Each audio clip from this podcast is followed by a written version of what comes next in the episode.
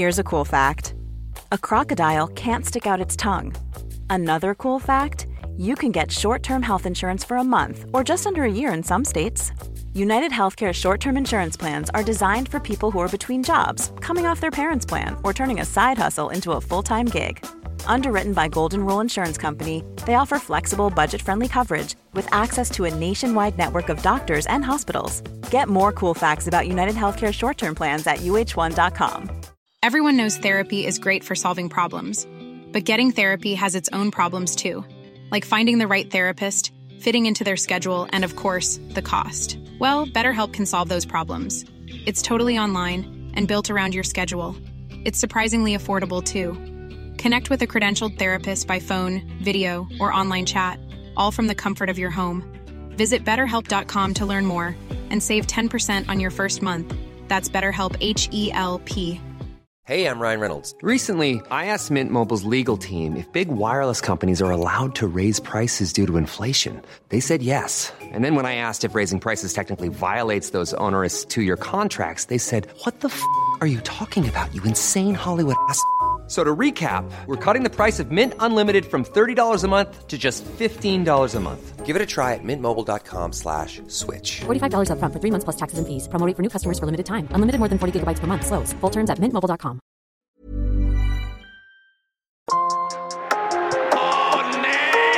Skärpta straff för olaglig maskering. Läget är tufft. Det var en seger för Malmö FF, men en förlust för svensk fotboll. Sveriges damlandslag i fotboll är nu långt från nu krävs ett smärre mirakel. Det står fyra man ska konfrontera mig med frågor.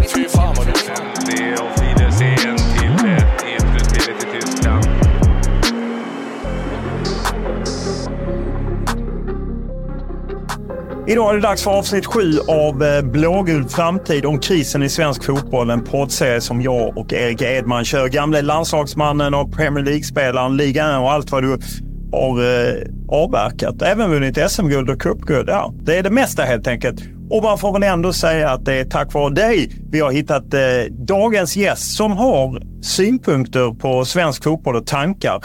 Eh, och det går inte att komma ifrån att Lasse Lagerbäck är kanske Sveriges eh, ja, en av de framgångsrikaste förbundskaptenerna. Han var ju del i fem raka mästerskap för Sverige. Eh, lite ihop med Tommy Söderberg, men även på egen hand. Och sen så Nigeria och framförallt Island eh, och Norge och jobbat som riksinstruktör. Och det är en eh, person du har jobbat nära med och som är värd att lyssna på, eller? Ja, absolut. Alltså, det är svårt att hitta en mer kompetent person inom svenska fotbollsfamiljen med den breda erfarenheten och, och ja, de resultaten han har lyckats eh, skrapa fram under så pass lång tid. Och det som imponerar nästan ännu mer än den här svenska landslagsresan, det är ju det han gjorde med Island. Ett, ett litet, litet land och, och slut England i ett EM-slutspel som, som eh, grädden på moset, eller vad man brukar säga, som absolut är topp, topp eh, för honom eh, och, och det han har gjort under alla dessa år inom eh, fotbollen. Ja, och även om han börjar bli lite till åren så har han ju varit oerhört aktiv. Jag menar, han hade ju Norges landslag till eh, rätt, relativt nyligen. Eh, dessutom, jag menar Sverige mötte ju dem i, i EM-kvalet. Det var ju han eh, till EM-kvalet senast. Eh, 2021 blev ju EM till slut, men det var ju 2020 och då var ju han norsk förbundskapten. Dessutom aktiv i Viaplay, så att det är ju inte så att han inte hänger med i, i fotbollens värld och eh, då kändes det spännande att ta med honom i Blågul framtid om krisen i svensk fotboll och eh, har ni missat de tidigare avsnitten så är det ju lätt att hitta dem. Men i avsnitt sju så söker vi oss till Lars Lagerbäck och min första fråga till honom var ju naturligtvis, är det kris eller är det bara en dipp för svensk herrfotboll? Han förde Sverige till fem raka mästerskap. Därefter ledde han Nigeria i VM 2010 innan han chockade fotbollsvärlden genom att ta Island till EM-kvartsfinal 2016. Det handlar såklart om Lars Lagerbäck. Den numera 75-årige tränaren inledde sitt arbete med pojk och ungdomslandslag på Svenska Fotbollförbundet i början på 90-talet och vandrade sedan hela vägen upp till A-landslaget, där han var huvudansvarig mellan 2000 och 2009. Först tillsammans med Tommy Söderberg och därefter på egen hand. Lagerbäck har också basat över Norges landslag och numera är han expert på Viaplay. Ja, vilka adjektiv man ska använda kan man ju alltid diskutera, men det som är fakta tycker jag när du pratar elitfotboll och nu pratar vi herrsidan så är det ju resultat. Och, och tittar du på elitsidan, både landslag och, och inte bara senior utan ungdomslandslag plus klubblag så vi, våra resultat har inte varit de bästa. Och det känns ju lite alarmerande när vi inte är bättre än Färöarna och Island när det gäller klubblag och Europa. Så att, eh, definitivt har vi haft en tydligt nedåtgående trend och avståndet mot, mot eh, det internationella perspektivet har ju definitivt i mina ögon blivit sämre.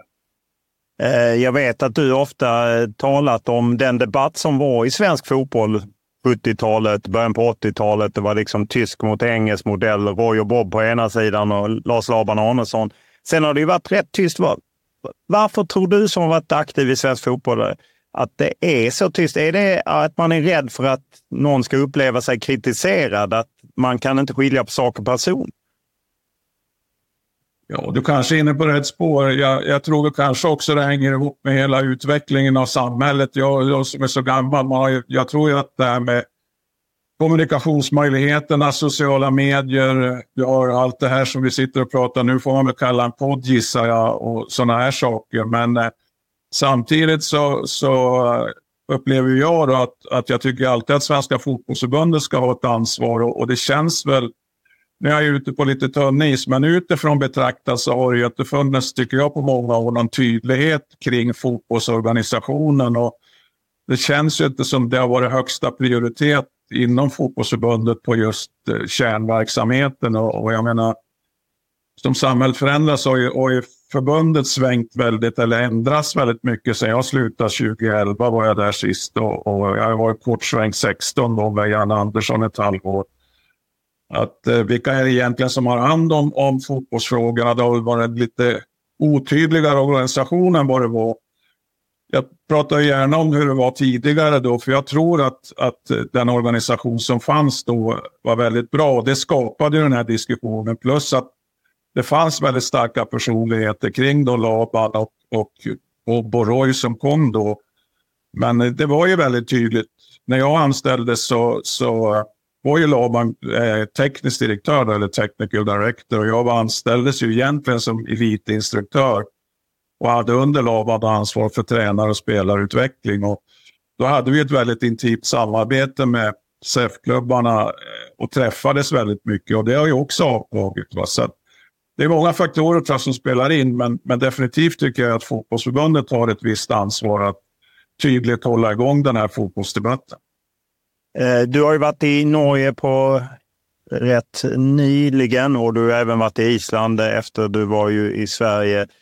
Finns det någonting eh, när du tittar liksom på de länderna och de har organiserat på förbundet och med din erfarenhet nu när man ska organisera om igen så att säga. Jens T Andersson försvann ju och liknande. Det finns ju en unik möjlighet på ett sätt för Andrea Möllerberg och fotbollsförbundet att skapa någonting.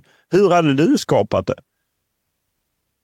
Ja, utifrån mina erfarenheter, Nigeria var kanske lite speciellt så de ska inte blanda in. Men en sak jag tror på både när det gäller landslagsledning men också förbundet det är att det är viktigare med kvalitet än kvantitet. Och det är väl också en tendens i hela samhället, inte minst idrotten, att du har fått en, en, ett inslag av väldigt mycket folk och kanske lite mycket byråkrati. Men eh, jag tror ju definitivt på det jag har lyssnat lite medialt på Andrea Möllenberger nu att, att jag tror man ska ha en teknisk direktör som ska vara övergripande ansvarig och sen kan man diskutera då. Men det, det är otroligt viktigt på ett, ett litet land som Sverige och jag tittar på andra länder att, att alla då som jobbar med fotboll, ungdomsförbundskaptener och, och även A-kapten, de ska inte ha ansvar men de ska vara involverade och hjälpas åt. Och, både hålla igång debatten som du kanske efterlyste men också, också eh, alltså, vara viss mån delaktig i hur man utvecklar det här. Och det tycker jag ska ske i samarbete med de som är fotbollsansvariga i SEF-klubbarna. De där tio åren drygt jag var ansvarig, då träffas ju vi två gånger per år, både elitklubbarnas tränare och ibland var sportcheferna med. Och, och jag upplever att det verkar ha stannat av helt och hållet idag. Så att, eh, och varför vet jag inte, för jag har inte varit med de sista tio åren. Men, men eh, det är någonting som jag definitivt saknar och tror är viktigt. Den här tekniska direktören, rollen och hans ansvarsområde, vad innebär det? Ja, det vi hade då först med Laban, det, han, han var ju liksom väldigt inne i det fotbollsmässiga också, va, vilket jag tyckte var bra. Vi hade väl en hel del olika åsikter han och jag, men han anställde mig i alla fall. Eh, sedan kom ju Lasse Risch då som, som eh, teknisk direktör och han har ju också, var ju också väldigt fotbollskunnig. Du känner ju honom väl Erik också sedan din landslagstid. Och han, han var väl inte lika inne i allting det fotbollsmässiga, men med en hel del fotbollskunskap och väldigt bra som arbetsledare då så fortsatte ju liksom verksamheten ungefär som, som före Lobans tid. Och sen när jag då slutade 2000 var det väl jag släppte det då efter ett par år med, med landslaget eh, så ersattes ju först ingen på den här elitdistruktörstjänsten. Men sen kom Göran Aralo var ett par år och sen försvann det där. Va? Så att eh, efter det så upplevde jag att man på utvecklings och utbildningssidan har man ju inte haft någon sån här tydlig, eh, liksom de här typen av roller som jag fattar utifrån sett i alla fall. Eh, om man då ser en, eh, en teknisk direktör, hur, hur stort område kan det greppa över? Ska det finnas en teknisk direktör för all fotboll, både här och dam, eller ska det bara vara här eh, och en teknisk direktör för damerna? Eller hur, hur tycker du att man skulle gå tillväga? Ja, det fungerar ju väldigt bra eh, under den tiden jag var med, med Laban och, och Lasse. Sen vid slutet när jag var med så kom ju, när Marika Domanski slutade som förbundskapten så blev hon successivt då utvecklingsansvarig på, på damsidan. Sen tror jag det har förstärkts ytterligare med någon person som jobbar mer specifikt med utvecklingen på, på damsidan, både spelare och, och tränarmässigt. Eh, och Lasse, där kom det ju, Göran hade ju den rollen. Va? Sen, sen kom ju Klasse Eriksson in och är väl fortfarande kvar och han är väl någon typ av den då samordnaren på spelarutbildning. Och sen har det väl haft lite mer fristående, det är väl Urban Hammar fortfarande och Roger som är ansvarig på tränarutbildningen. Men det har liksom spridits ut och jag vet framförallt inte idag hur aktiva alla ungdomsförbundskaptener är, vilket jag tycker är väldigt viktigt. På min tid när Tipserit-projektet kom så drog vi igång då att alla och på den tiden jobbade de så kallade riksinstruktörerna jobbade ju bara deltid och var med på tränarutbildning och viss del spelarutbildning. Men då ordnade vi så att eh, vi skapade regioner då i Sverige när de här akademiverksamheten drog igång en bit in på 90-talet. Eh, och då fick de bara kontaktpersoner så man träffades både i regioner och sen träffas vi allihopa centralt. Sen vet jag ju vad som hände sen var ju också att, att under Stefan Lundins tid så tog ju SEF över en hel del av, av det här med akademier och, och spelarutbildning. Och jag tycker det är lite synd för jag tror att eftersom vi är ett så pass litet land så tror jag att ju mer samverkan och samarbete vi kan ha så så tror jag att vi kan utvecklas bättre och jag tror också vi håller igång den här fotbollsdebatten mycket bättre än vad vi gör idag. Va? Men eh, det är väl lite svårare idag. Det är ju väldigt många mediala program på olika sätt och vis och plattformar så att, att det, det blir en sån otrolig mängd. Va? Men eh, just det här med att man träffas mycket mer och att man fortbildar sig och sådana här saker tror jag är väldigt viktigt. Att samarbetet mellan SEF och Svenska fotbollsförbundet och alla deras anställda inom fotbollen. Men viktigast är ändå att du hittar bra personer som har de här nyckelrollerna och de för mig är en teknisk direktör och om du vill behålla den gamla titeln elitinstruktör då, som är fotbollsmässigt ansvarig för, för utbildning och fortbildning. För blir massa grupper och sånt där, då, då brukar det bli ineffektivt i mina ögon. Den tekniska direktören, han bestämmer hur svenska landslagen ska spela fotboll. Nej, det, det, har han inte gjort någon gång. Laban var ju väldigt aktiv och involverad och, och, kan man ju säga. Men han, alltså, det, under, alla, under alla mina år, så även före mig då med Tommy och Olle, så landslagstränaren, och det tycker jag är rätt, han var direkt underställd eh, generalsekreteraren och styrelsen. Och mina år med Lars-Åke som var en fantastisk ordförande. Jag hade ju också, var inte jag och generalsekreteraren ensam någonting, då skulle man bara gå direkt till Lars-Åke. Så jag hade ju fri tillgång till Lars-Åke om det var någonting. Men jag tror inte man kan bestämma. Däremot så tror jag att man ska jobba i rekryteringen med att man ska ha någon form av grundtänk eh, kring vilka principer man vill jobba efter eh, med ett landslag. Och jag tror framförallt det är viktigt att U21-kaptenen och, eh, och ja, de som är ansvariga för A-landslaget har i grunden en likartad filosofi och också har ett samarbete. Och jag tycker inte det är fel om, om A-förbundskaptenen är involverad i rekryteringen av en U21-kapten heller. Om vi tar det här det du pratar om samarbete och mellan SEF och ESFF. Nu vet jag att de för första gången på flera år hade en tränarträff just, eh, men det var bara här om veckan. För jag vet Janne Andersson också beklagat det. Vad finns det för vinst i att man liksom eh, jobbar ihop på det sättet?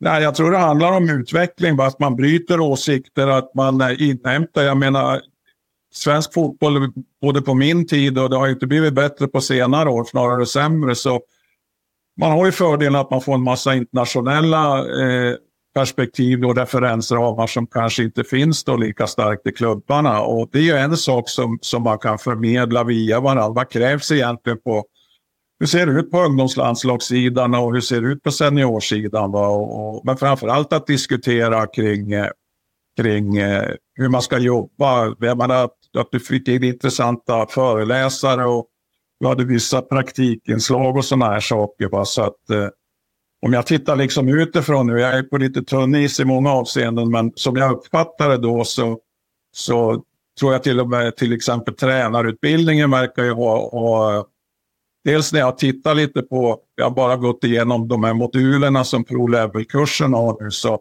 är det ju väldigt mycket teori. Och nu har det ju blivit väldigt mycket mer eftersom du har fått det här med datorprogram och du, har, du kan ju få ut hur mycket information som helst.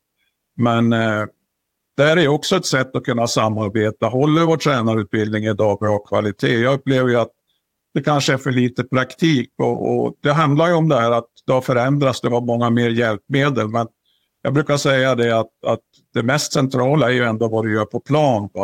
Teori är viktigt och du har många bra hjälpmedel men det får du bara se som ett komplement. Jag känner väl lite att vi har gått, att det har blivit nästan mer betoning på teoretiska analys och mycket snack och sådana här saker. Men, eh, men eh, ska du organisera ett lag så måste du liksom göra det ute på plan. Det, det går inte att lära sig via, via teori. Det, det, det finns ingen möjlighet. Plus att det är också viktigt med spelare för att vissa spelare är ju inte så där... vi har olika läggning och är inte så där mottagliga för, för att ha väldigt mycket teori. Eh, om man ser eh, till en period under Janne Andersson var det ju att spelarna drev på att man ville spela kanske lite mer offensivt. Sen kan man säga att det experimentet var ju lite misslyckat i och med att han fick mycket skador och återbud. Men man ser också många lag i Sverige som spelar liksom kanske en annan fotboll än en, ehm, ja, Pep Guardiola-inspirerad fotboll. Många av de yngre tränarna pratar om det. Vad, hur, hur, tror du på det för svensk del att, att anamma det? Om jag får vara lite omständlig så, så det som är viktigt tycker jag och som jag kanske saknar lite i svensk fotboll idag det, det är att du måste ha en, en balans. Jag brukar säga att man ska vara en realistisk optimist och när jag säger balans menar jag då i laget. Va? Och det har ju blivit jag kallar det Barcelona-syndromet. Det började ju på 90-talet att, att fotbollen gick i den riktningen över hela Europa. Jag har haft förmånen att få besöka en massa länder på deras tränarutbildningar och sånt där. Och, och det finns ju en tendens. Men när den pennan har slagit allt hårdare och det som har hänt i Sverige är ju att, precis som du säger tycker jag, att, att det är väldigt possession-inspirerad fotboll idag. Men eh, om du vill liksom vinna på elitnivå, inte, framförallt internationellt, då måste du hitta en balans och def som utgår från de kvaliteter du har bland spelarna. Plus att sätta det i relation till hur bra är de bästa nationerna. Och för mig tror jag det är väldigt viktigt om man vill lyckas både internationellt och nationellt. är att Du måste hitta en spelidé, ett sätt att spela fotboll. Eh, där du kan slå både de mindre bra lagen men också när du har en bra dag kan slå toppnationerna. Och och det tycker jag har stannat av. Vi försöker att spela på samma villkor ungefär nu som, som de bästa lagen och, och länderna gör. Och då får vi problem. Vi slår inte Spanien och de här länderna på lika villkor. Kan du ge något exempel där Lasse på, på ett eh, ja, både klubblag och kanske landslag som du känner de har hittat rätt i den balansen vad det gäller både off-def och kunna attackera både mot svaga och starkare länder eller lag. Det är absolut tydligaste exemplet om jag får gå tillbaka i historien och jag tycker nog att historien lever, att den fungerar fortfarande idag. Det är om du går till Malmö på 70 och en bit in på 80-talet och framförallt kanske kära Gustafsson i, i Blåvitt då när de vann på 80-talet. Jag menar, han fick ju jättemycket kritik för att de spelar tråkig fotboll även i allsvenskan ibland. Ofta vann de med uddamålet eller 1-0 och sånt där. Men jag tyckte han verkligen var en realistisk optimist för att skapa resultat, precis som Bob och Roy var när de kom hit. Att, att vi måste skapa ett väldigt starkt kollektiv om vi ska hänga med i världstoppen för att vi kommer inte få fram de bästa spelarna. Jag kan dra ett, ett modernt exempel som jag upplever det återigen utifrån nu. Men tittar du på Norge då, där jag hade förmånen att få vara ett antal år. De har ju nu av väldigt kanske tillfälliga eh, omständigheter fått fram väldigt många individuellt skickliga spelare, framförallt offensivt. De borde ju, tycker man då på pappret, liksom ska, skapa bättre resultat än vad de har gjort. Va? Och det tycker de då i Norge och det tycker väl Ståhle också, att de, de spelar bra. Va? Men att spela bra är också, innebär för mig att man ska vinna matcher. Och, och de har ju ett väldigt offensivt balanserat lag i mina ögon nu. Och, och då kanske man behöver liksom göra om det lite grann. Om jag får ge några konkreta exempel av historien. Jag fick vara med och du var med också Erik. Jag menar, eh, när Tom och jag började då så, så det skedde faktiskt lite av en slump. Men då kom vi fram till att vi skulle ha en utpekad defensiv mittfältare. Och det började ju med Svarre och fortsatte med, med Stefan Svarts då, och fortsatte med Tobias Linderoth och sen med, med Mjällby som hade den rollen. Och Det var ett sätt att balansera upp laget då, att vi hade en väldigt stark defensiv spelare centralt för att skapa den här avvägningen mellan off-def i, i våran balans. Sen när de försvann då av olika skäl så kom ju Kim och Anders-eran in och ingen av dem var ju de var ju så bra så vi ville ha dem med i laget. Va? Men, men ingen av dem var ju liksom den typen av spelare och där tappar vi lite grann av den här kanske defensiva styrkan då. Jag vet inte hur du upplevde det, men för mig var det en, en väldigt viktig och, och bidragande sak till att vi lyckas nå hyfsade resultat under vår period. Jag vet inte hur du upplevde det, Erik, med de spelartyperna och ha i ett lag. Jo, nej, men det, det är framförallt att ha någon som vad ska man säga, tar det här defensiva stora ansvaret och ger ytterligare offensiv frihet till en sån som Fredrik Ljungberg till exempel. Det är otroligt värdefullt. Och det, det jag, när jag tittar på det landslaget du hade under alla de åren så upplever jag ändå att det gick mer mot en offensivare balans än kanske när du startade, eller ni startade, du och Tommy, så, så upplevde jag att ni satte ut en mer defensiv balans, men mot slutet gick det mer och mer mot offensivt. Stämmer det, tycker du? Ja, det tycker jag definitivt. Och tar en av våra största spelare genom tiderna, Zlatan, skapade ju det på ett sätt för att en del i vår framgång var ju också då från början när vi hade framförallt Henrik då, vilka sen som spelade mer och, och Mackan Albeck kom in. Så de gjorde, ja, de fick ju också ett ganska stort ansvar defensivt. Men sen när Zlatan kom in och tog en ordinarie plats, så dels, dels han, har ju, jag menar, han, han ska inte springa lika mycket. Han hade inte de egenskaperna med sin stora kropp. Så där fick vi liksom en lite mer offensiv eh, balans i vårt lag tack vare bara att en sån spelartyp kommer in. Då.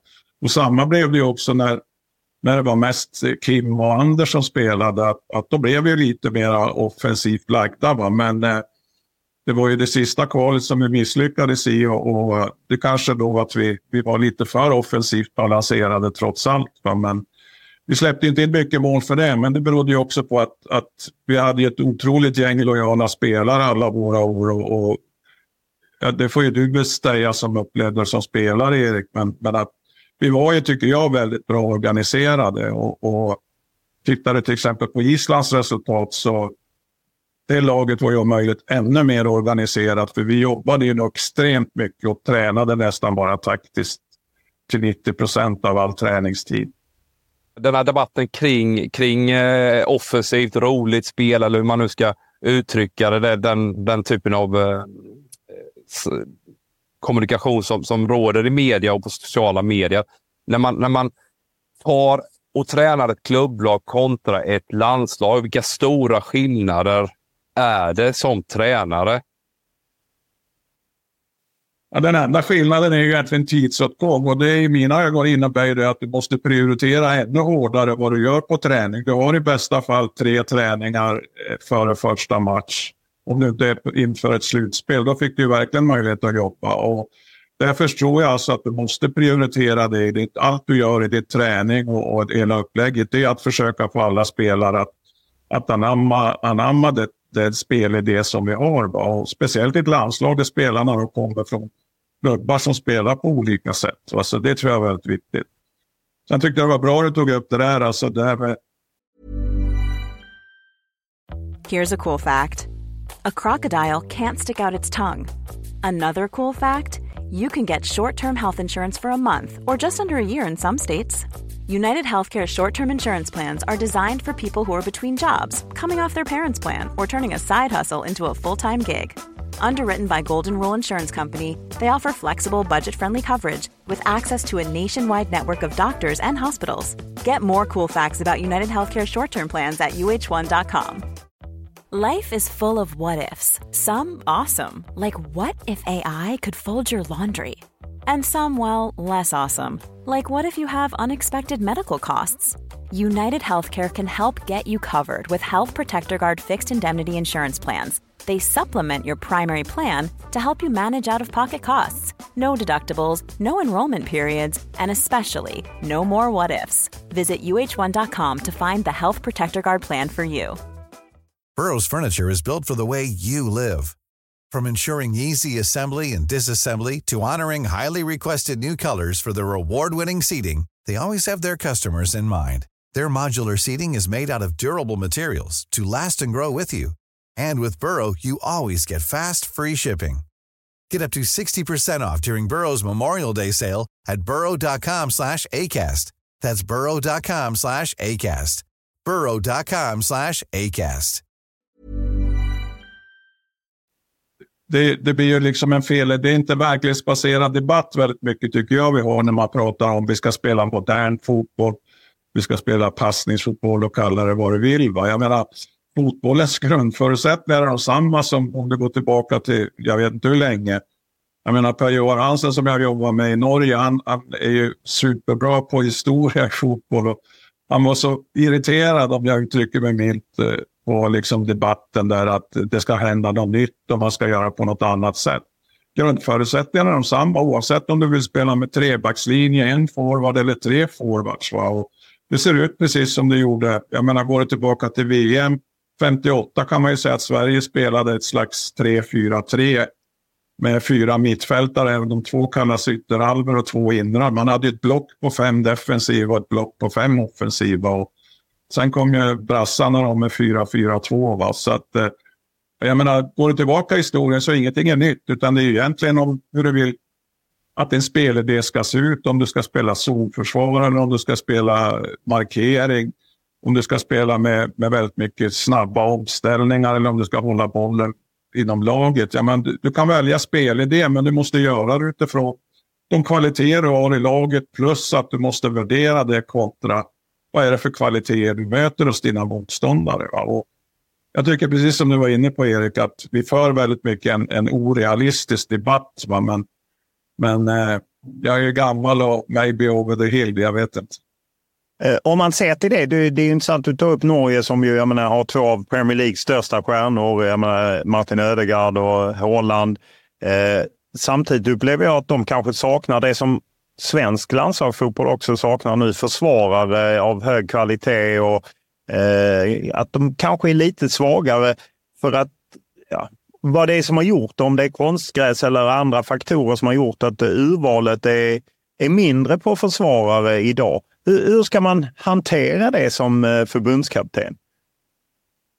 Ja, det du kan göra konkret då om du kommer till laget det är att då måste du balansera laget utifrån det. Jag menar, har du, har du en svaga spelare i, i backlinjen, om det nu är så, då, då måste du ju liksom balansera resten av laget på det sättet så att du får då en, ett tillräckligt defensivt stark, starka spelare framför backlinjen, va? Om, om det nu är det som är problemet. Eh, I Norge så, så har de samma problem. Men det är också intressant när du säger det här Olof, för att Alltså går du tillbaka till 90-talet när, när jag fortfarande var ansvarig för elitpojklägret. Vi hade ju en trend då i, i senare delen av 90-talet när man kom ner till elitpojklägret som organiserat då alla distriktslag. Då, då kom det ju ner där man ofta då hade tagit ut sina bästa spelare. Det var i och för sig lovvärt, men då tog man ju ut mittfältare som ofta spelar som innerbackar va? Och, och kanske inte då hade de här ja, talangen eller egentligen för att bli en bra försvarare. Så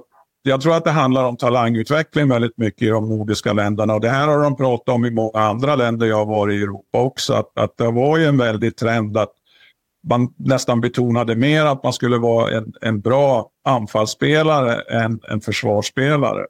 Och det är nonsens för mig därför att du vet ju det att du har 25-30 inlägg i en match och det måste du kunna försvara till exempel. Så att eh, att det som Erik var inne på, det, jag tycker att det har blivit en liten verklighetsfrämmande debatt och, och en trend då som har pågått i väldigt många år nu. Eh, och jag tittade på de här bästa lagen, va, som kan, så tar det Pep till exempel, de kan spela, de är väldigt skickliga offensivt, deras backlinjespelare. Men de är också oerhört duktiga, duktiga försvarsspelare. Och likadant så när du söker väldigt mycket teknik och snabbhet så, så kanske du också tappar då fysisk styrka i laget. Och fotboll är ju väldigt mycket fysik också. Så att, eh, som jag brukar säga, man måste vara realist i det här jobbet, annars tror jag att man når resultat. Och framförallt om man är en underdog, va, då, då, då måste man titta på de här grundförutsättningarna som är så viktiga som jag tycker. Man tar då det, för det, det, du pratar om nu, för att få fram den typen av, av eh, kvaliteter eller spelaregenskaper så, så handlar det om att, att skruva lite på träningsupplägget och talangutveckling. Att vi prioriterar försvarsspelare som är duktiga en mot en. Det är ju klassiskt där när man tittar allsvenskan, några inläggsförsvar. Det är ju knappt en ytterback som, som kan hantera ett inläggsförsvarssituation och han snedställer kropp och allting. Att, att vi behöver liksom skruva på de bitarna och en teknisk direktör till exempel behöver ta det, den typen av ansvar för, för tränarutbildning också. Ja, jag skulle kunna uttrycka det bättre än vad du gör, så att eh, du är nog en blivande elitinstruktör, Erik. Om man ser en teknisk direktör, han eller hon, vad tycker du hade varit viktiga egenskaper eh, för en, eh, den som ska liksom bli teknisk direktör för Svenska Fotbollförbundet?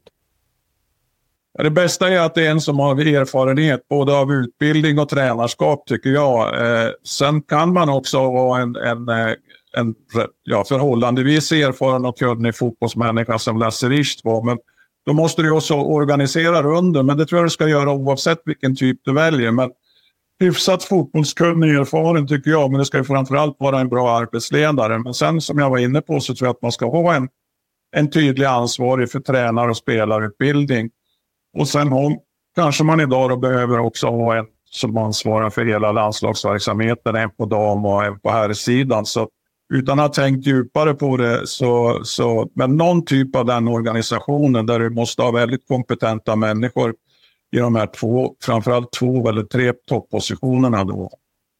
Hur mycket av en röd tråd bör finnas ner? Du sa ju tidigare att det är bra om förbundskapten för herrarna eller A-landslaget är med och, och rekryterar U21. Men behöver det finnas någon röd tråd längre ner eller är det något som man inte har så stor vinst av?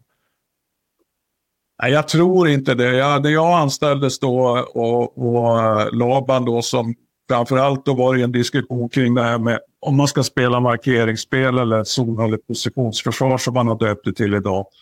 Eh, vi hade ju ganska kraftiga diskussioner om det, men, men eh, Laban ville ju att man skulle prioritera markering. Men han, han, eh, han var ju också väldigt realistisk, plus vi hade lite olika uppfattningar. Och, och det kom vi ju fram till då att vi kan inte liksom detaljstyra det på det sättet. Men ju mer, alltså det är ju vissa grundförutsättningar och det är mer viktigt tror jag att vara inne på det här med att hitta spelare då.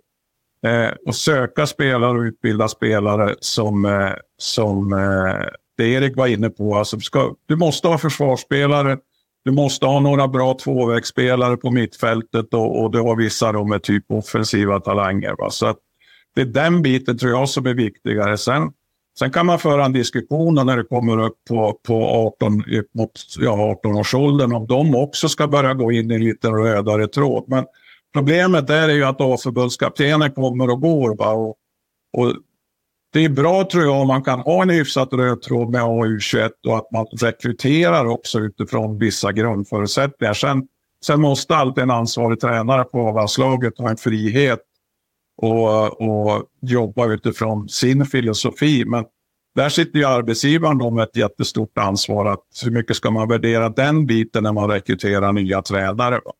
Alltså de, som jag hör i intervjuer nu när man pratar om liksom att man ska, man ska hitta någon, eh, någon som, ja det nämns väl ibland det här med modern fotboll. Och det som gjorde mig lite fundersam och förvånad att ingen av, av dina kollegor eller du själv, när jag hörde Andrea i, i en eh, intervju säga att att det svenska ledarskapet räcker inte idag.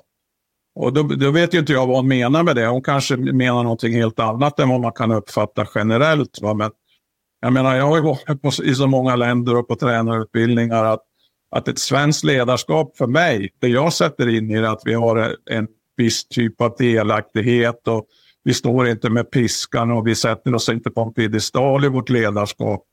Eh, det, då är ju för mig alltså ett svenskt ledarskap bra. Va? Så att, eh, det tycker jag vi ska vara rädda om i så fall. Men, men eh, de, har, de har ju ett jättestort ansvar kring rekryteringen. För det är de människorna sen som ska, ska sköta de här jobben.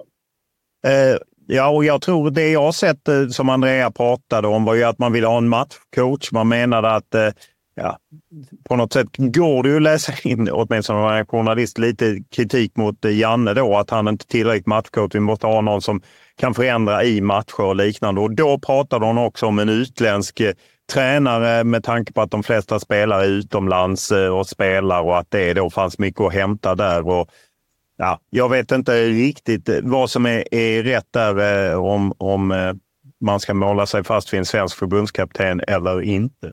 Men om man ser till det att, jag menar, du pratade med Lars-Åke Lagrell, jag menar, han hade ju varit, även för han var en stor fotbollsledare, så hade han ju verkligen varken varit liksom spelare eller ledare på elitnivå. Eh, det är ju ändå ett svårt uppdrag. Han hade ju mer fotbollserfarenhet än Fredrik Reinfeldt som leder förbundet nu och Andrea Möllerberg är ju förvisso triatlet, men hon är ju inte fotbolls... Hur liksom ska man det är ju de som har ansvaret för att rekrytera. Hur ska de jobba? Jag vet ju att Stefan Pettersson är involverad och Urban Hammar och Roger Sandberg, men vem är det som ska rekrytera en förbundskapten?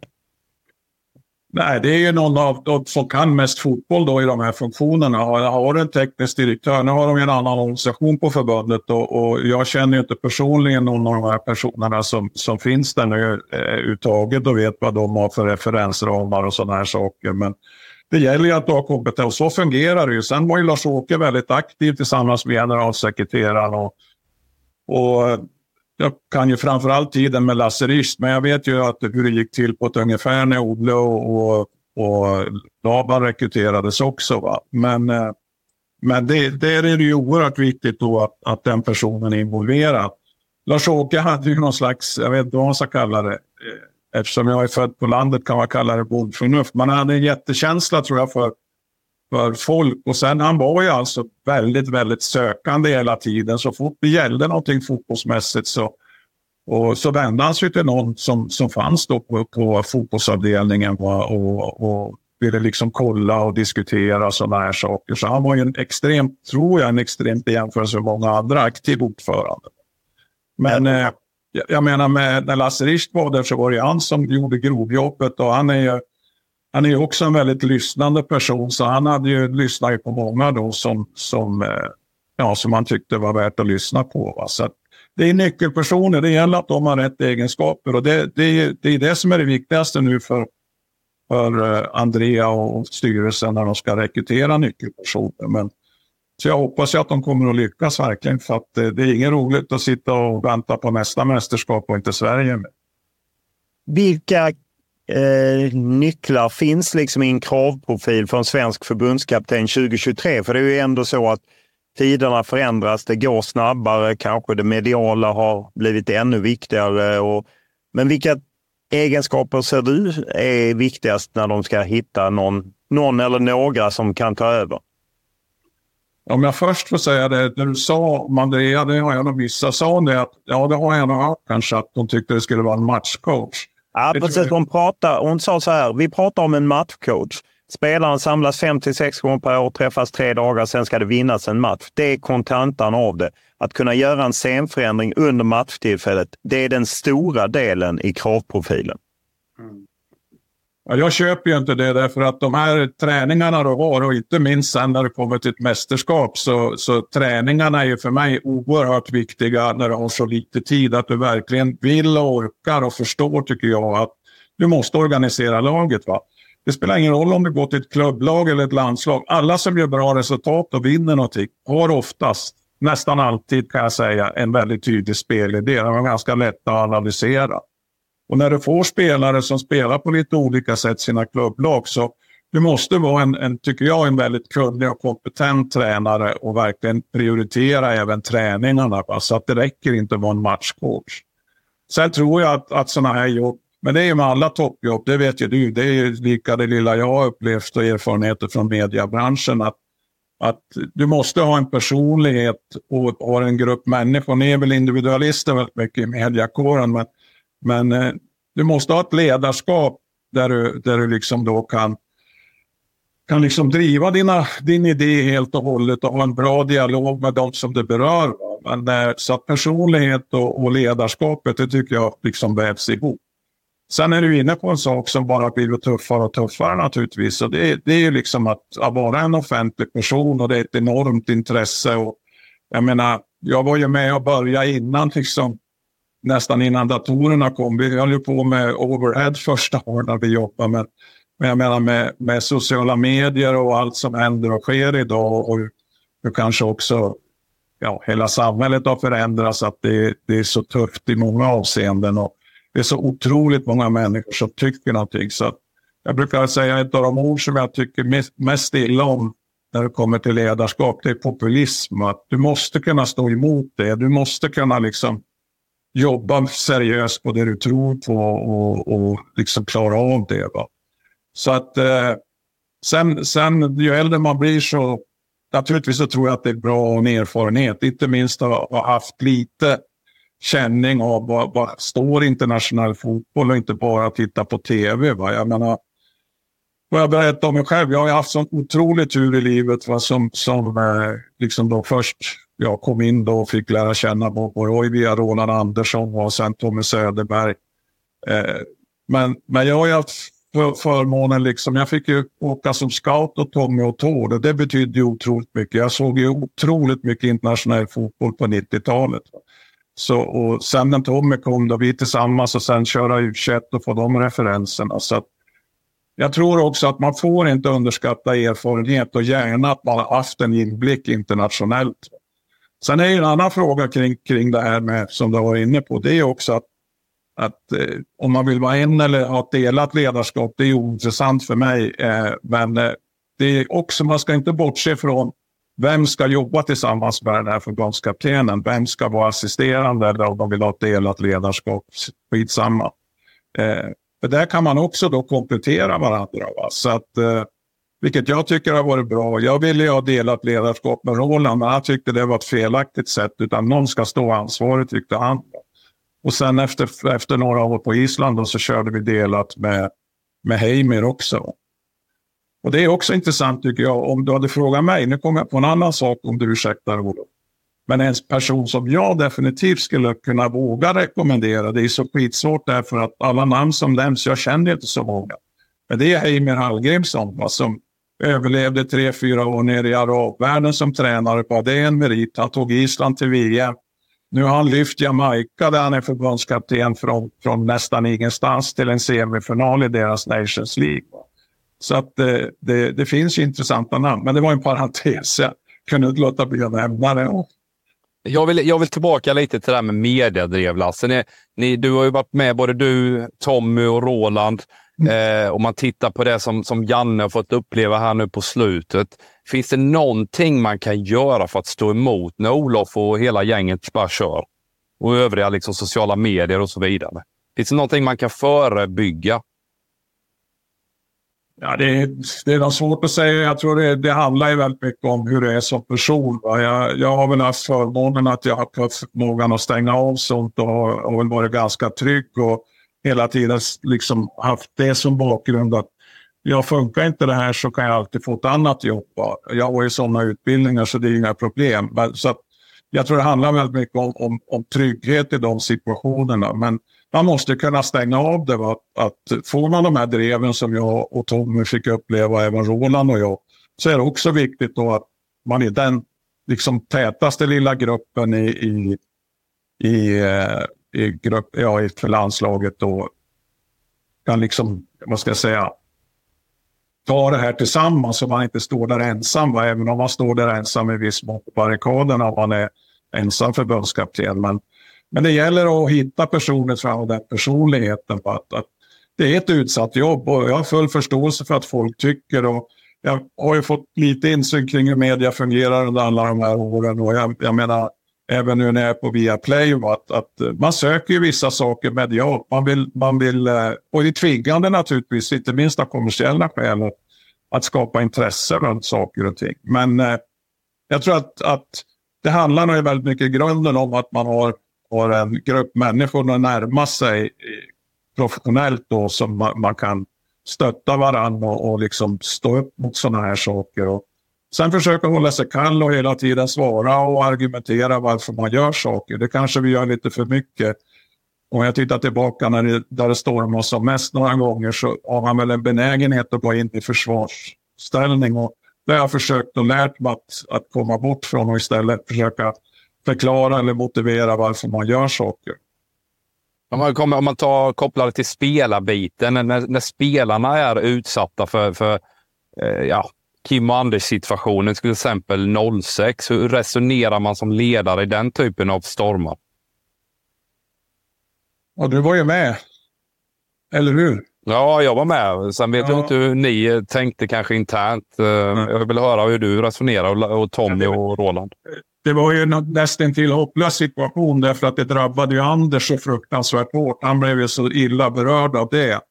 Eh, vad vi försökte göra då, dels att, att hade vi väldigt mycket starkt med honom, men sen som du kommer ihåg så var det ju en väldigt stark reaktion från spelargruppen då. Va? Det var ju starka, starka röster då med, av de mer tongivande spelarna också att, att vi skulle bojkotta då. Till att börja med Aftonbladet, men eh, sen eh, helt och hållet. Va? Och där hamnar man ju då. Eh, jag har alltid liksom försökt jobba efter att vi måste ställa upp och börja. Att det är ju ja, vissa regler som vi hade. Regler var det inte, utan ledstjärnor som vi hade kommit överens med er spelare om hur vi skulle rotera och alla sådana här saker. Alla skulle liksom ta sin del i det. Men eh, jag tror att tack vare ändå att, att spelargruppen gick samman så starkt i det där så klarar vi ändå att hålla hyfsat fokus på det fotbollsmässiga. Men det där var ju så pass kraftigt och riktat mot en spelare så att den gick ju nästan inte att hantera. Och tyvärr gick det ut över Anders för att, att eh, han var, han var, jag har full förståelse där. Han var ju så störd och, och, jag vet inte om du har samma minnesbild Erik, men, men där fick ju han väldigt lite speltid på grund av det här. För att vi bedömde ju risken för stor. Skulle han bli utbuad och hur skulle Anders reagera och sådana här saker. Så att, att, eh, men det var ju ett extremt ovanligt övertramp gentemot en enskild spelare.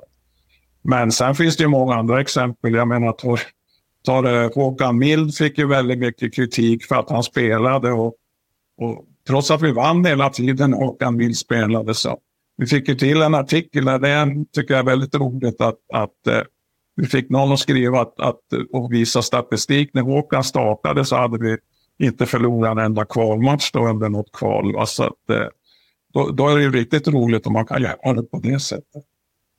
Kan man lära sig någonting? Eh, jag menar, nu står jag ju på andra sidan och sen är det ju, är det ju krafter i det här som ju eh, supportrar och precis som du själv har lärt dig den kommersiella delen när du jobbar på Viaplay, att, att du är inne och kollar på landslaget så finns det olika aspekter. Men kan man liksom som förbundskapten eller liksom som landslagsledning, kan man lära sig? För att ibland gör ju även ni misstag och liknande. Vad, eller är det liksom omöjligt? Eh, för nästan alla förbundskaptener hamnar ju i det här, utom möjligtvis Tommy Svensson som kunde rida på ett eh, VM-brons. Men annars så hamnar ju nästan alla här. Nej, det enda råd jag kan ge och som jag försökte lära mig ganska tidigt och, och det kan ju du och andra på din sida bedöma bättre. Men det var det här att liksom inte gå in så väldigt hårt i försvarsställning.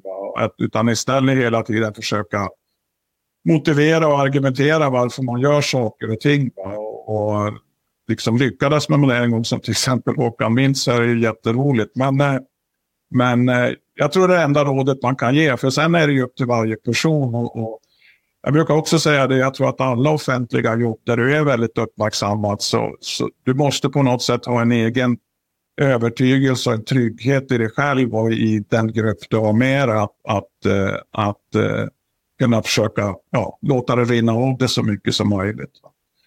Sen är det bara att inse det, att, att det är en resultatbransch. Va? Jag menar, jag tycker inte vi spelar så mycket sämre sista kvalet. Vi har två 0 förluster mot Danmark. Där vi bland annat bränner en straff om jag nu ska hitta på bortförklaringar. Nu är jag inne på det ändå, så det var ett jävla dåligt exempel. Men, nej, det enda råd jag kan ge Olof, det tror jag är just att, att, eh, att du måste liksom inse det här och försöka vara så trygg i dig själv och i din grupp. Och Sen förhoppningsvis då att cheferna bakom det, jag menar jag har haft kanongeneralsekreterare med både Lars-Christer och Sune och, och Micke var ju där på, på slutet när jag var inne en sväng. Och framförallt Lars-Åke var ju en fantastisk ordförande. Det, jag menar, jag vet inte om du vill jag ska dra en story då när det var den riktiga stormen när, när vårt kval inför VM började. Eh, vi mötte ju Turkiet hemma och spelade 1-1 och då var det ju efter Holland oerhört starkt drev som du säkert kommer ihåg. Och så åkte vi ner till Slovakien och så var vi försenade och var fel på planet. Så när vi kom ner sent på kvällen så, så var det inte meningen att vi skulle haft någon presskonferens. Men då var ju alla från media, jag vet inte om du var med på den? Nej, jag var inte med på den resan, men jag vet väl, Edman räddade er sen. Ja, precis. Så var det ju en liksom improviserad presskonferens där då och det var ett sagolikt liv och, och Tommys när han liksom blir arg så blir han ju arg. Alltså han blev riktigt arg där, så det var lite roligt. Men sen gör vi kanske en av våra sämsta kvalmatcher som du var inne på. Så det var ju Magnus Edmans stormatch i landslaget av alla kategorier. Spelade 0-0. Och då, då eh, efter vi hade käkat sent på kvällen, då var det midnatt, så sa Lars-Åke liksom att eh, han ville sätta sig med Tom och mig. Och han sa inte så mycket egentligen, men det, det liksom blev kontentan som jag kom in på ganska snabbt efter ja, hur mår ni och vad tycker ni och sånt där. Och så sa han bara det. Är ni, är ni helt övertygade om att ni vill fortsätta? sa han. Ja, och vi tyckte väl att vi ville det. Trots var det ju två avgjorda matcher. Ja, då kör vi som var så. Så har man sådana ledare som chefer också så är det ju lättare att stå ut. Eh, jag tänker det ibland man som förbundskapten och framförallt på senare år när kanske ja, det går inte att jämföra. Det var andra tider. Lars-Åke Lagell kunde ju vi alltid som journalister nå. Det kan man, kunde man ju inte riktigt med Karl-Erik Nilsson och nu är det omöjligt med Fredrik Reinfeldt. Ofta blir ju tränaren eller förbundskaptenen, det är ju ni som sitter i presskonferens och på något sätt representerar förbundet eh, i mångt och mycket. Kan det vara, upplevas lite orättvist? Nej, det tycker jag nog inte. Jag, jag, så upplevde nog inte jag det. Jag, jag tror jag ganska slaviskt var med. Jag tror inte jag missar många presskonferenser som har varit runt landslaget. Det har funnits ett väldigt skäl. Jag kan inte tro att det blir en, kanske ena handens fingrar. Men, men nej, jag tycker att, att förbundskaptenen, sen tycker jag inte man behöver svara på allting. Jag menar, där har det ju vidgats sen jag höll på. Det var inte samma fokusering på att mäst, då gick ju inte mästerskapen i länder som var totalt odemokratiska. Så den biten behövde jag aldrig svara på som jag kommer ihåg i alla fall. Det var, hette väl någon gång nere i Saudiarabien en gång att vi hade det här med att kvinnor inte fick gå på matcherna. Ja, det blev en rätt stor grej med Roland Andersson när han sa att han tyckte att de kunde se det på tv istället. Och då blev det ju, det var väl första gången och på något sätt första gången jag kom i kontakt med det här med migrantarbetare. Men frågan var inte het överhuvudtaget på den tiden. Nej, det var ju inte det. Så det var väl lite lättare på det sättet. Då. Det där tycker nog jag kanske att, jag, jag vet de har ju en debatt i Norge nu, att Ståhle har ju varit väldigt aktiv och uttalat sig. Bara, nu, nu när man har dåliga, inte så bra resultat, nu börjar de ifrågasätta, koncentrera sig på rätt saker och hur mycket ska han hålla på med det där? Borde han se till att de vinner fotbollsmatch istället. Men det är väl typiskt en medial reaktion på det hela. Det är upp till var och en. Sen kan man inte sticka huvudet i sanden heller som situationen är nu. Att hade jag fått frågor om sånt där så tror jag nog ändå jag hade uttryckt med en åsikt. Det, det, tror jag i alla fall. Men, eh, men på den sättet. Men jag, jag, tycker ändå att du måste sitta där som ansvarig tränare. Va? Sen kan man ju ha ett visst stöd från förbundet och, och, hur man vill lägga upp det. Och kanske i vissa, vissa frågor då ska man kanske inte ens ha en åsikt om du till exempel pratar om ja, allmänna fotbollsfrågor som ligger utanför det här med det sportsliga och sånt där. Det kanske man inte ska yttra sig om när man är anställd i ett förbund och sådana här saker. För det, det måste ju ja, det är generalsekreteraren och styrelsen ytterst som har ansvaret. Kan du känna att det finns en bäst före-tid eh, eller liksom att det är ett bäst före-datum? Att man, man kanske ska sitta tre mästerskapscykler eh, och sen skifta. Jag menar, du, ni gjorde ju ett skifte att du och Tommy körde ju först över tre mästerskap. Sen slutade Tommy så kom Roland in. Det var ju ändå en slags förändring, men på något sätt kan jag landa i nästan att ja, men är tre mästerskapscykler lagom? Eller vad känner du? Ja, alltså det, det, finns ett sista datum. Det är så väldigt svårt tror jag att dra ett streck. Eh, när du säger det så kommer jag ju onekligen tycka, tänka på Löv som satt väl i 15 år tror jag. Eller sånt där. Jag menar, det, det, du kan ju göra ett väldigt bra jobb då. Och jag menar, vi hade förmånen att lyckas med, med fem mästerskap och så tappar man det sjätte. Då är frågan liksom, när skulle du ha dragit gränsen? Var det efter det andra, det tredje, eller det fjärde eller det femte? Va? Det, det är väldigt svårt att säga. Utan Däremot så tycker jag nog att man ska ha en, en väldigt öppen dialog eh, och inte skriva för långa kontrakt. Det tycker jag nog inte man ska göra. Men, eh, men ha en fortlöpande dialog då så behöver det kanske inte bli så dramatiskt heller. Att, att nu känns det nog som det börjar gå i stå. Och risken finns ju, alltså, ju längre du är på ett jobb, att du blir lite bekväm eller du tar saker och ting för givna och sånt där. Va? Och, och vi hade ju någon ledstjärna, om er kommer ihåg att man ska alltid titta sig själv i spegeln, både som ledare och, och, och spelare. Att har vi gjort ett, a good day's work today? Va? Så att, sen gäller det att folk som är, är ärliga och sånt där. Men, eh, sen upplevde jag, då, jag vet inte vad du tyckte Erik, att vi hade en, en ganska bra dialog hela tiden med spelarna kring, kring vi jobbar ju med ett stort antal ledstjärnor då och hade väldigt få regler. Så det tycker jag var ett bra sätt att jobba. Jag vet inte hur du kommer ihåg det Erik. Med lite distans om, om dialogen i gruppen fungerade ganska bra med oss spelare och ledare. Nej, men det, det, tycker jag absolut. Det var enkelt och framförallt det här eh, när man kommer från olika miljöer att snabbt komma in i, i landslagstänket. Både vad det gäller då, eh, ja, regler eller uppmaningar hur vi ska bete oss, men och även då det spelmässiga. Eh, om du tittar tillbaka, hade du hoppat av tidigare och kanske gjort något annat? Kan du ångra det? Att fan, jag skulle tagit chansen när jag var ännu hetare än efter ett misslyckat sista kvar, Lasse. Förstår du vad jag menar? Tagit något eh, kanonjobb som eventuellt fanns på bordet? Nej, det var aldrig så där jätteaktuellt för mig. Det fanns väl några gånger när man funderade lite grann. Men, men, eh, men då var det ju mest för att det, man eventuellt skulle ha fått ett annat jobb. Det, det här passade min privata livssituation så väldigt bra med.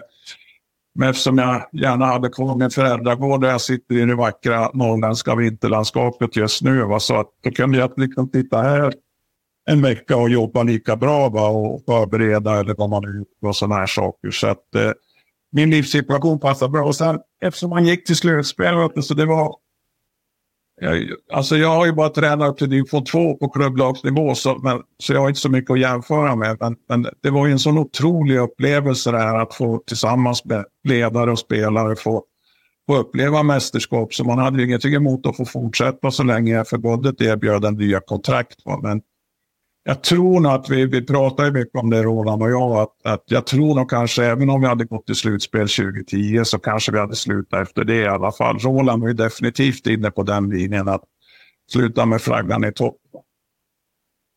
Men det är svårt att dra en tidsgräns där. För det, det, men jag tror man ska, ska liksom ha en väldigt tydlig dialog från arbetsgivarens sida. Att, att hur känns det och hur funkar det? Och, och där är det också bra om man har en, ja, Lasse Risch tycker jag var väldigt bra på den positionen. att Där fördes säkert en diskussion som inte ens jag vet om. Och vi blev väldigt nära vänner. Att, att liksom hur funkar och sånt där. Att han fick vara styrelsens öra in i landslaget. Det är också intressant, jag vet inte vad du tycker om det Erik, hur mycket man ska lyssna på spelare både när man, och, eh, och sen om en tränare ska vara kvar eller inte. Nej, jag tror inte man ska lyssna speciellt mycket på spelarna, för då blir man ännu snurrigare i beslutsfattning. Utan man behöver vara så pass trygg med, med eh, vilken typ av identitet svensk fotboll ska stå för, så att eh, det ska få råda snarare än att, att man lyssnar runt för mycket på spelarna. Det tycker jag. Men är inte det intressant att höra vad spelarna tycker? Att, som nu när förbundet lyssnade med några av spelarna i spelarrådet. Inte kandidater, men mer egenskaper. Vad vill man se? Eh, och eh, vad eh, har varit bra under Janne Anderssons tid? Vad, vad kan man utveckla? Är inte det givet att tanka av den kunskapen? Det kan det väl vara i form av det du, du uttrycker, kanske hur, hur saker och ting ska fungera och det man tycker är bra och så vidare. Men när det gäller spelstilar och liksom, principer i, i sättet att, att liksom utöva sporten eller driva det. Det, tror jag det blir väldigt mycket eh, känslostyrt. Och en spel, man får aldrig glömma, Ola, för en spelare är en egoist.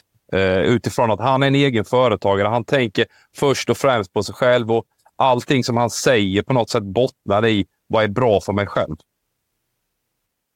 Ja, jag delar Eriks liksom uppfattning, Olof. Jag, jag tror också att, att tittar du fotbollsmässigt, tycker jag också konkret, det är väldigt få spelare jag träffar som har en väldigt tydlig helhetsbild av kring hur vi presterar. Därför att spelare, eh, det får du rätta mig igen om du tycker jag har fel, men min upplevelse är att väldigt få spelare har inte det, utan de är så upptagna av sin egen prestation, va? så man får inte riktigt helhetsbilden. Och sen tror jag, som Erik är inne på också, det, det är en väldigt känslig fråga om, om de ska gå ut, framförallt om de ska diskutera namn. Jag håller med Olof att man kan mer generellt kolla med spelare som är erfarna och kanske har visat en stor klokhet eh, som Erik Edman oftast gjorde. Eh, att kolla mer generellt. Sådana finns det ju säkert i alla trupper. Men att börja diskutera namn eller liksom typer eller något sånt där. Utan mer då att man, att man ska göra en analys just nu, antar jag man gör på förbundet kring, kring eh, vad som har fungerat bra och mindre bra. Där kan man ju fråga vissa spelare mer generellt om de har några synpunkter. Och framförallt erfarna och kloka spelare och människor. Men jag håller med Erik helt att förbundet måste bestämma vad man vill med svensk fotboll och förhoppningsvis då ha kunniga människor som gör den bedömningen. Stort tack för att du ställde upp. Det var bara trevligt utifrån den mediedebatt som är. Så ju mer om vi fick den lite mer realistisk så är jag väldigt glad och tacksam.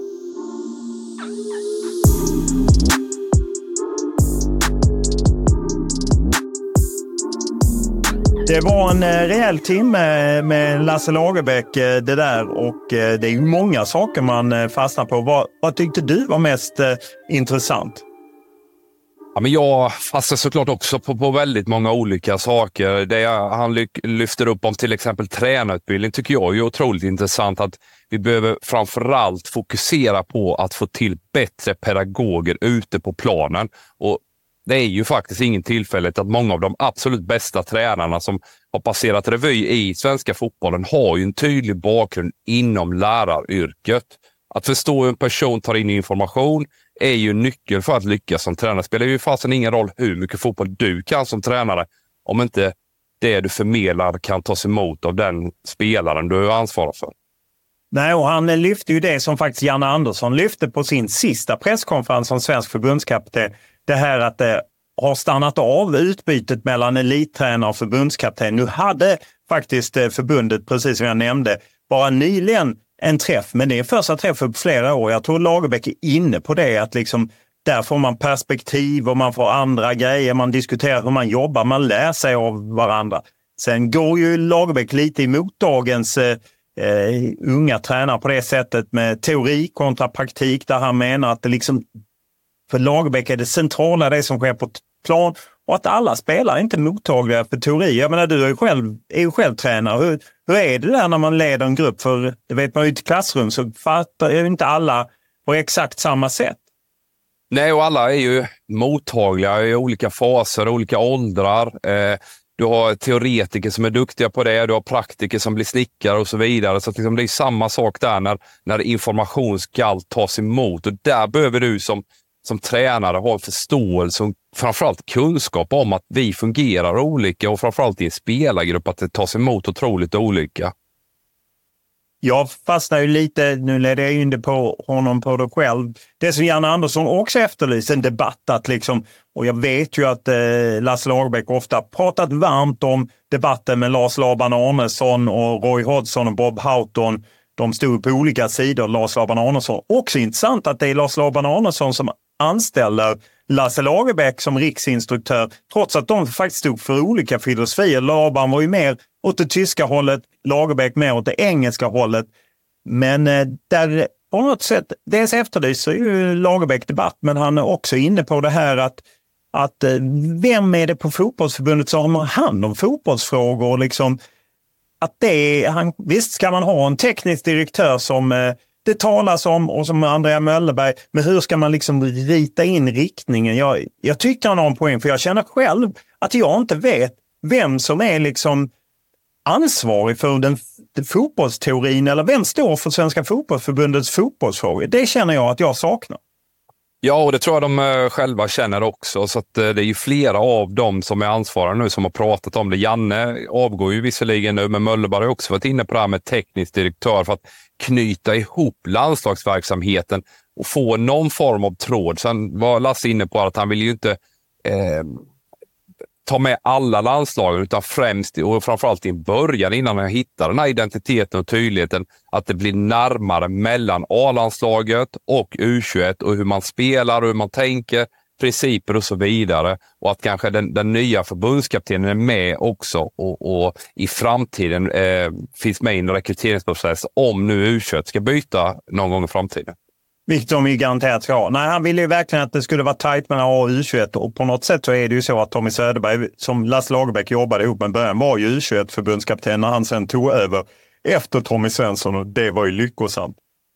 Det är ju intressant också att, eh, att Lagerbäck, ja, men han sa ju till mig att du och dina kollegor inte reagerar på det Andrea Möllerberg har sagt i att ifrågasätta svenskt ledarskap. Jag har inte sett den detaljen. Jag har ju bara sett det här att hon är inne på att det måste vara en matchcoach. Och även där var ju Lagerbäck tveksam. Han trodde ju inte på det. Han menar ju mer att det, det är liksom matchen, vadå? Det är som träningar är det viktiga och, och, så. Håller du med honom där att svenskt ledarskap och att det kanske är viktigt vad man gör på träningsfältet snarare än matchcoach? Ja, jag tror det finns en otroligt överdriven eh, tro, eh, både hos media och framförallt då generella fotbollsfans där ute, att hur mycket man faktiskt kan påverka och förändra det, det, är många gånger det istället slår tillbaka och det här med ledarskapet, tydlighet och tydlig spelidé. Han är också inne på att de framgångsrika länder och klubbar där ute har en tydlig spelidé som är enkel att se.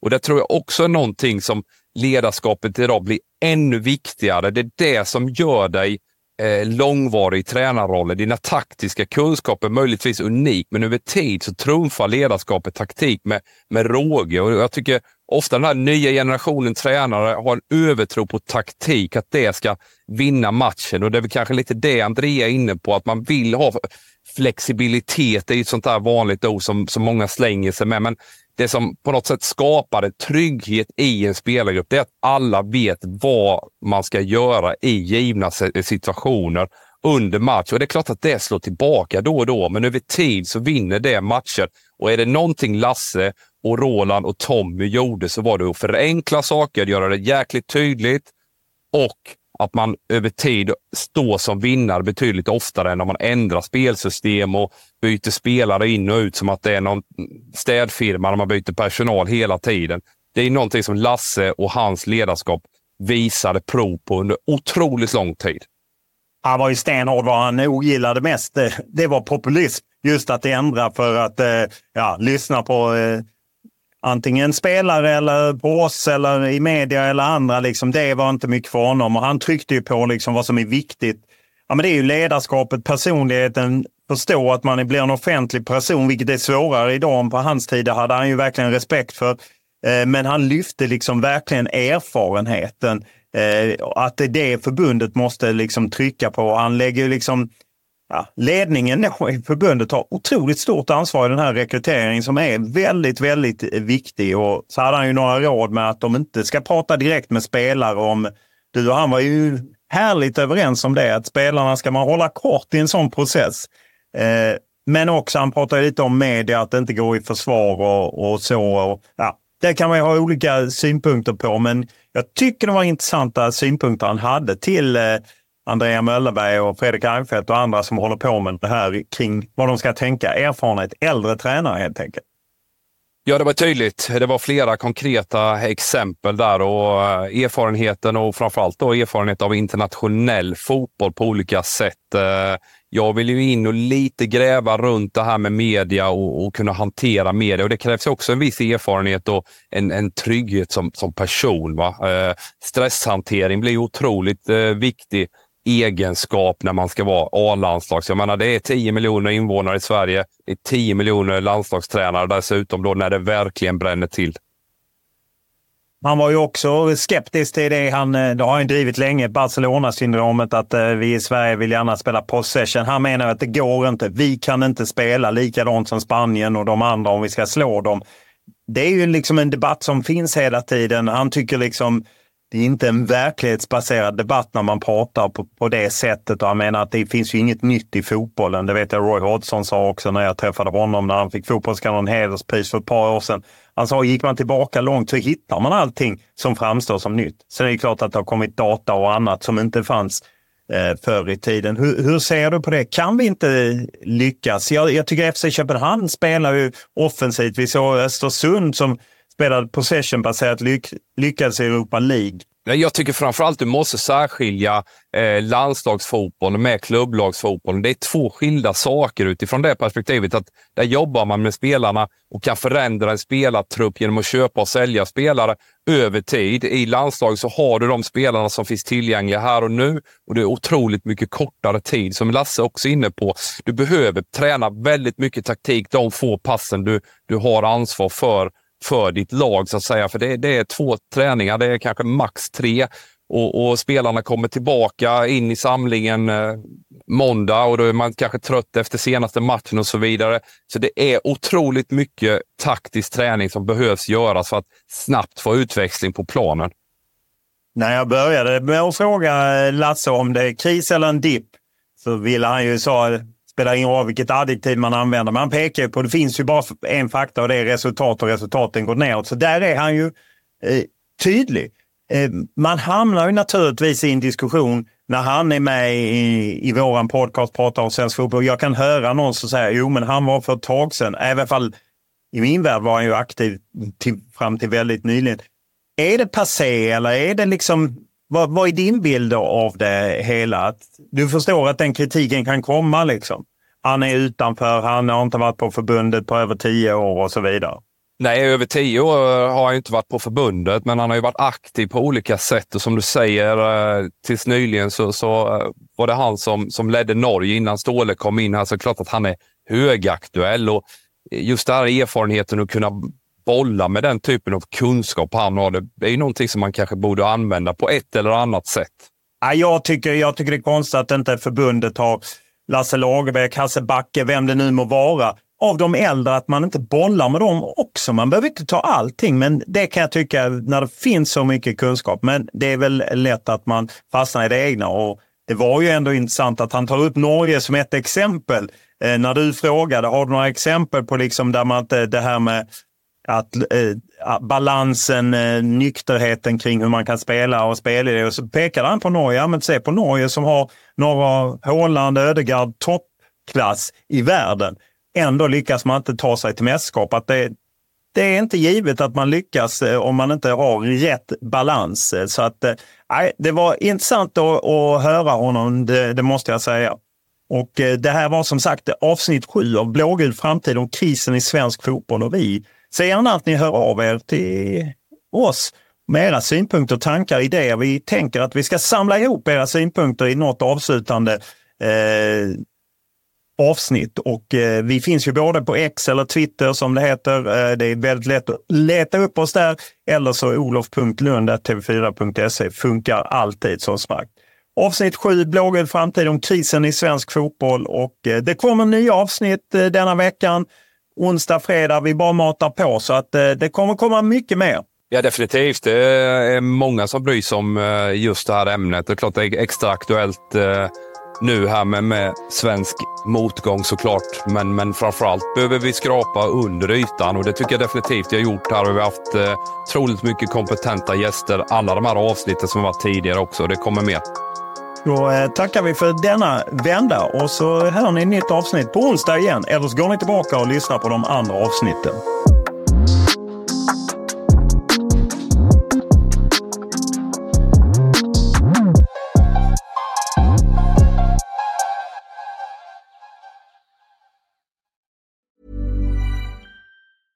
Mom deserves the best, and there's no better place to shop for Mother's Day than Whole Foods Market. They're your destination for unbeatable savings, from premium gifts to show-stopping flowers and irresistible desserts. Start by saving 33% with Prime on all body care and candles. Then get a 15-stem bunch of tulips for just $9.99 each with Prime. Round out Mom's menu with festive rosé, irresistible berry chantilly cake, and more special treats. Come celebrate Mother's Day at Whole Foods Market. Even on a budget, quality is non-negotiable. That's why Quince is the place to score high-end essentials at 50 to 80% less than similar brands. Get your hands on buttery soft cashmere sweaters from just 60 bucks, Italian leather jackets, and so much more.